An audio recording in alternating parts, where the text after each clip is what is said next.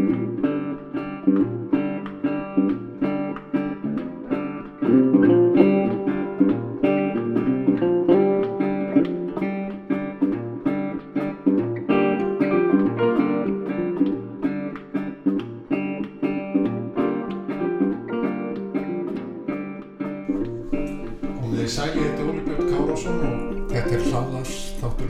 er alltaf til hægri.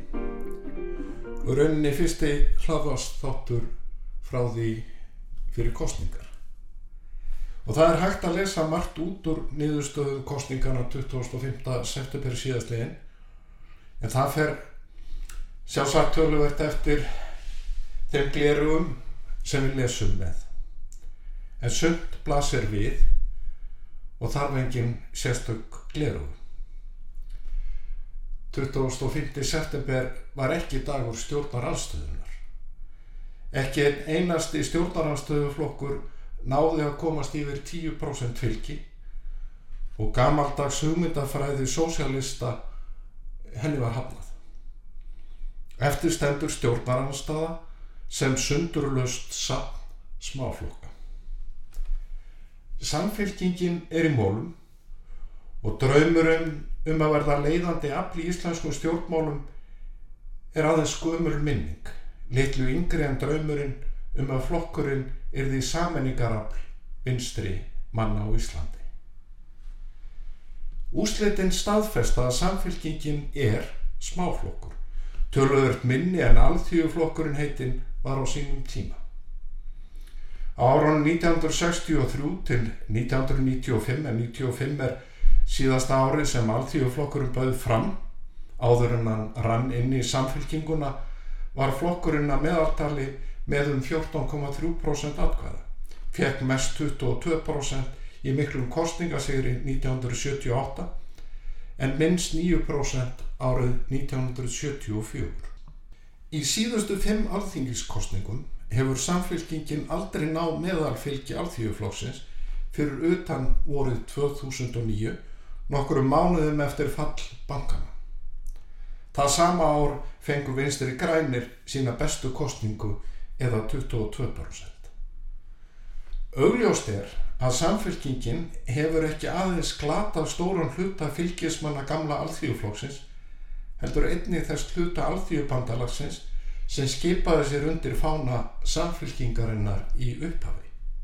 Dómurinn yfir samfélkingunni er því ófunni harður, ekki síst þegar haft er í huga að flokkurinn hefur verið í stjórnar anstöðu í átta ár. Flest bendir til að eðumerkur gangan haldi áfram í fjögur ár að minnstakosti. Í umræðum Á samfélagsmiðlum nokkurum dögum eftir kostningar var Össur Skarpíðarsson fyrverandi formaður samfélkingarinnar skýr. Hann sagði stjórnaranstaðan skítapaði einfallega kostningabaratunni. Samfélkingin var afvelta eftir vetur innanflokks átaka þar sem mænasta fólki var rutt úr sætum og gjörsanlega tílefnislaus varaformanslagur saksaði og limina hans björsmins. Og eftir átta ári í stjórnaranstöðu ríða píratar ekki heldur feitum hesti frá kostningum. Kanski ekki við öðru að búast þegar helstu baratumálin eru ný stjórnarskrá, borgaralaun sem skulu fjármögnuð með lántökum og veðsetningu komandi kynnslóða og stór kostleg útgjaldalofur með skattahækkunum sem voru vittlust reiknaðar og svo leiðréttar með því að hóta enn frekari hækkun skatta. Viðreist er líkt og samfélkingin að festast í hópi smáflokka og þráttur að hafa bætt lítilega við sig er fylgið töluvert frá því sem það var þegar flokkurinn bauð fyrst fram. Baratumál flokksins eiga lítið upp á pallborði hjá kjósöndum hvorki tengingu efru eða aðild af Evrópu sambandinu. Minstri grænir geta verið þokkalega sáttir við sinn hlut eru lítilega undir meðalfylgi frá upphafi eftir að hafa veitt ríkistjórn fórustu í fjögur ár. Ríkistjórn sem reyndi verulega á þóluri flokksmanna með sama hætti hún reyndi á margam sjálfstæðismanni. Raunar er útkoman nokkuð betri en virðist í fyrstu sín Því að í upphafi síðasta kjörtímabils sögðu tveir þingmenn vafgir skilið við flokkin. Fyrst óformlega með því að styðja ekki ríkistjórn Katrínar Jakobsdóttur og síðan formlega með því að ganga til liðs við aðra flokka, pírata og samfélkinguna. Hvoruður flokkurinn, hvorki píratinni eða samfélkingin, nöyð þess hins vegar í kostningum, þert á móti. Framsóknarflokkurinn styrti stöðu sína verulega í kostningunum og hefur verið kryndur sigurvegar í kostningana.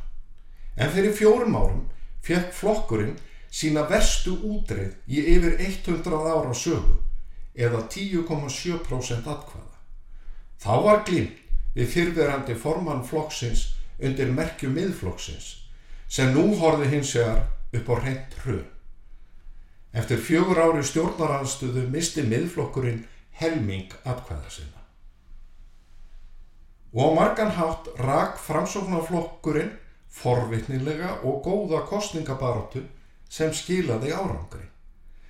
Þar var engin hugmyndafræði.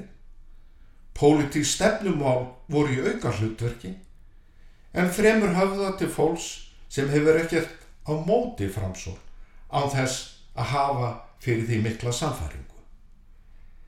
Með sama hætti var kostningabaróta flokks fólksins árangusrík og oft á tíðum snjöll. Óháð því hvaða flokkar standað baki nýri ríkistjórn er augljóst að þeir komast illa hjá því að horfa til þess árangus sem Inga Sæland og samstarfsfólk hennar náðu. Og að sjálfstæðisfloknum.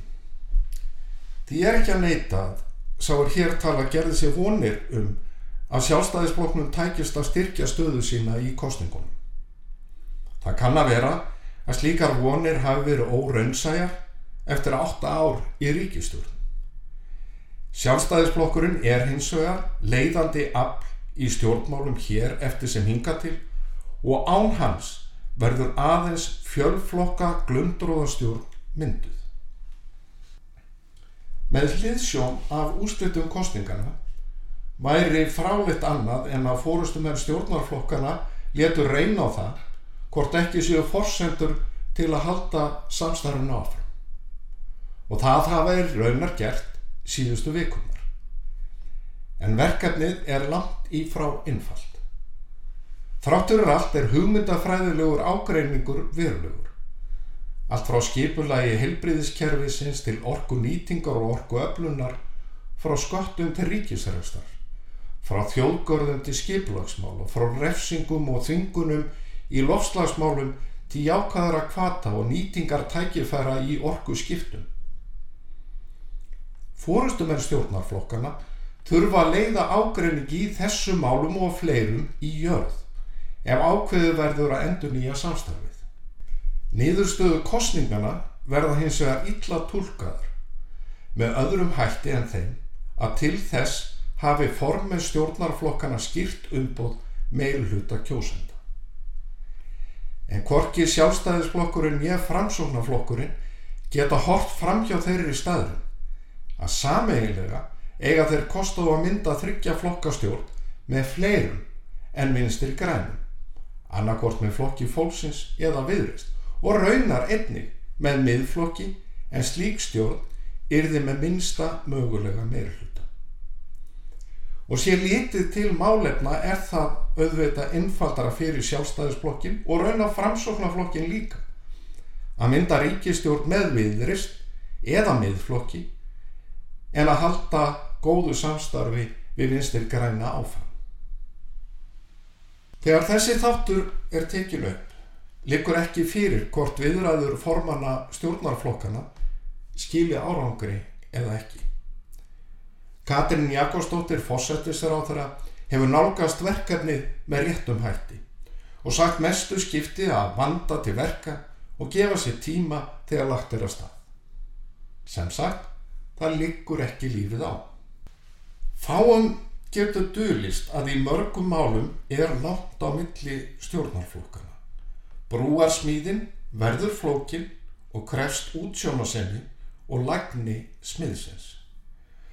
Sá trúnaður og tröss sem ríkt hefur á milli fórustumanna stjórnarflokkana hjálpar hins aðeins mikið til. Í aðdraðanda kostninga var ég einn skýr og mér var und sem frambjóðandi sjálfstæðisflokksins. Undir lok júni held ég því fram að einn forsenda þessa sjálfstæðisflokkurinn tæki þátt í ríkistjórn væri að málefnarsamningur og verkefni nýra ríkistjórnar endur spekli skilning á samhengi skatta, ríkisútgjölda, hagvastar og velsaldar. Að samkernishefni þjóðar ráðist ekki síst af öflugum innviðum, hófsendi í ofenburum álugum, greiðu aðgengja erlendum mörguðum, skilvirkni í stjórnkerfi og hagkvæmnum ríkisrekstri.